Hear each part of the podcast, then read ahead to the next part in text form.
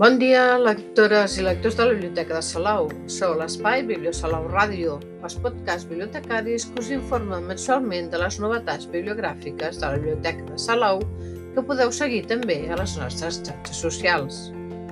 Amb aquest podcast encetem l'última setmana de novembre i l'anterior a les novetats mensuals de ficció de la biblioteca, que tindreu l'expositor el primer dilluns de desembre, o sigui, el proper dia 4 de desembre en horari de tarda. El podcast dels dimarts és el dia de la narrativa en català i avui, 28 de novembre, us presentem les 8 novel·les que trobareu entre les novetats de ficció del mes de desembre. Escolteu i preneu una nota, que comencem. El jardí de l'àvia és l'última novel·la de l'escriptora, filòsofa i activista Lolita Bosch, que conté petites il·lustracions florals i vegetals. Una novel·la molt breu, d'escasses 100 pàgines en què l'autora parla de la casa i el jardí de la seva àvia Lolita, un espai d'intimitat i de complicitat entre les dues Lolites, àvia i neta.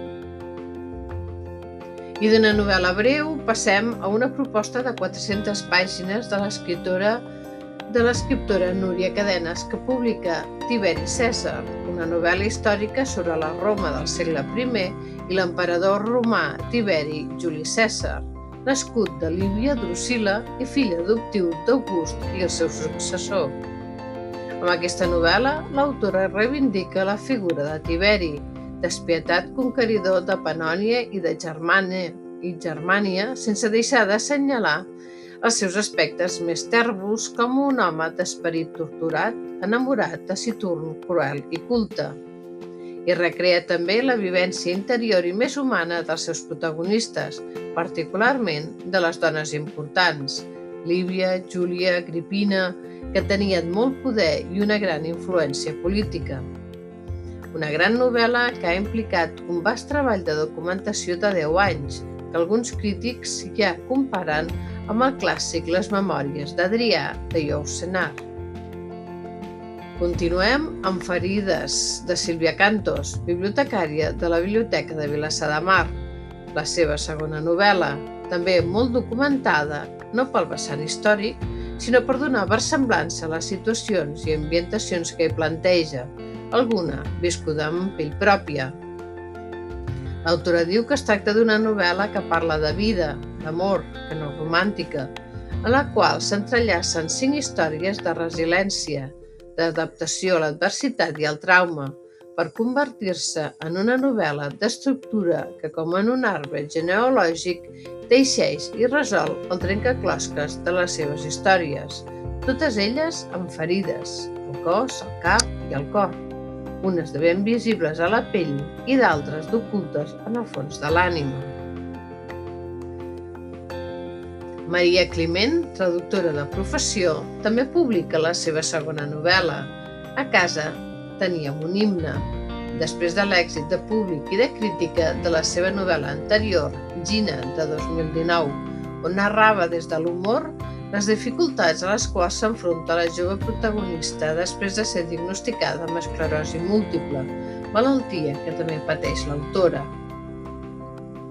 El relat s'alterna amb tres veus, les de les dues germanes i la seva mare, i transita entre Barcelona, Arnes, a la Terra Alta i la Toscana, on viu la mare des de la mort prematura del marit. L'autora retrata aquest triangle de tres dones distanciades i diferents, amb aspiracions i experiències dispars, que hauran d'aprendre a entendre's i a comunicar-se i lluitaran per retrobar-se després que es desvetlli un secret familiar que va marcar definitivament la vida de totes tres i que permet contemplar el mateix succés des de, diferents per... des de les diferents perspectives de cadascuna. Una vegada més, el fet diferencial de la novel·la és la llengua,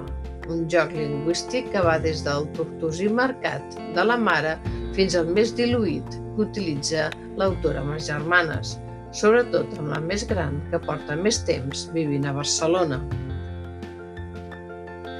La propera novel·la ve de la mà de Jordi Soler, conegut sobretot per les seves novel·les històriques com Conspiració a Tàrracon de 2013,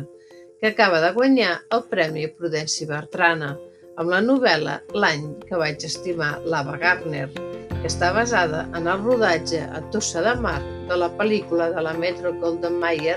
Pandora i l'holandès Arran de 1951, protagonitzada per l'Ava Gardner i on intervé Frank Sinatra i també l'actor català Màrius Cabré, torero i presentador de televisió espanyola. La novel·la ficciona les vivències de l'actriu i estrella de cinema Ava Gardner amb Frank Sinatra i Mario Cabré amb el records del protagonista, Paul Mas, de 15 anys, per a qui la pel·lícula i el rodatge d'aquesta pel·lícula va marcar el pas de la infància a la joventut. L'autor, Jordi Soler, és un malalt de cinema des de ben petit i després, professionalment, es va dedicar molts anys a fer informació cinematogràfica, en aquesta novel·la, doncs, molt allunyada de la seva trajectòria literària més històrica o fosca, hi conflueixen dues de les seves passions. L'última novel·la d'aquesta selecció de novetats d'autors catalans és Casada i callada, d'Emma Zafón, periodista i escriptora del Llucena, Castelló, que treballa a Barcelona, que com molt bé evidencia el títol, es tracta d'un relat sobre l'educació sentimental d'una generació de dones oprimides als anys 70, que és també una denúncia. La protagonista ens explica passatges de la seva joventut i del despertar sexual i ens fa entendre les seves expectatives enfonsades per un casament amb un home controlador i maltractador que l'asfixia i la colpeja mentre es va donant de la cruesa de la seva relació que respon a un patró de pensament masclista de la societat de l'època. Ambientada a la comarca de l'Alcalatent, al nord del País Valencià, Zafón ens desvela com certes estructures socials masclistes continuen dominant la vida de les dones als pobles. Les dues últimes novetats de desembre són traduccions. Una és la novel·la L'últim de la cadira, de l'escriptor estatunidenc John Irving, Irving, autor de nombrosos bestsellers i guionista guanyador d'un Oscar per la pel·lícula Les normes de la Casa de la Sidra, que va guanyar també el Premi Sant Jordi de Cinema a la millor pel·lícula estrangera. La novel·la, de quasi mil pàgines, defensa la llibertat sexual i repassa els últims 80 anys dels Estats Units, des de la Guerra Freda i Vietnam, passant per la irrupció del SIDA fins a l'era de Donald Trump. El relat té pinzellades autobiogràfiques i conté tot el que ha enganxat els seguidors d'Irving, la síndrome del niu buit, el feminisme, l'homosexualitat, personatges excèntrics i també una lúcida crítica a la moral establerta, amb un toc crític, polític i reivindicatiu. I l'altra traducció, que també trobareu entre les novetats en castellà, és L'infern, de Carmen Mola, que, com ja deveu saber, no és una escriptora, sinó tres autors, Jorge Díaz Cortés, autor i guionista, sobretot de televisió, que ha participat en la creació de guions per a programes com La nit prohibida o Hospital Central. Agustín Martínez, que ha treballat com a guionista per a ràdio i televisió i va col·laborar en coneguts programes com Sense tetes no hi ha paradís, i Antonio Mercero, que ha treballat per a diverses revistes i per al cinema i ha creat guions també per a la sèrie Hospital Central. La novel·la de quasi 500 pàgines és el nou i brutal, impactant i pertorbador thriller, el més pur estil Carmen Mola. La trama ens du a l'Havana, Cuba, un suposat paradís que no és tal. Les plantacions de sucre amaguen la tragèdia d'un esclavisme encara molt viu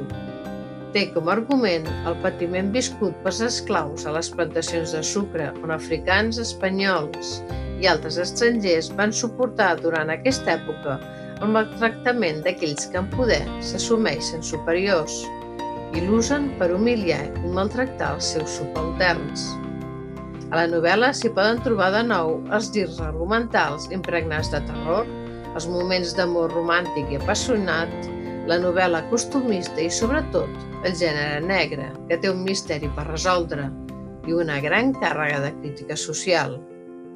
Una de les trames més interessants de la novel·la està relacionada amb l'execució d'un ritual ancestral que plana com una ombra sobre els protagonistes. Aquesta novel·la compta amb els personatges que van sobreviure a la història de la seva anterior novel·la, La Bèstia, Premi Planeta de 2021, ambientada en el Madrid de 1834, amb l'inici de les guerres carlistes i l'epidèmia de còlera, tot i que no n'és una continuació. I fins aquí el podcast d'avui, que un mes més ha fet un petit repàs de totes les novetats de narrativa en català que estaran disponibles per vosaltres, lectors i lectores de la Biblioteca de Salou, el proper dilluns, dia 4 de desembre, a partir de les 4 de la tarda. Que tingueu molt bon dia i molt bones lectures que us acompanyin en el dia a dia.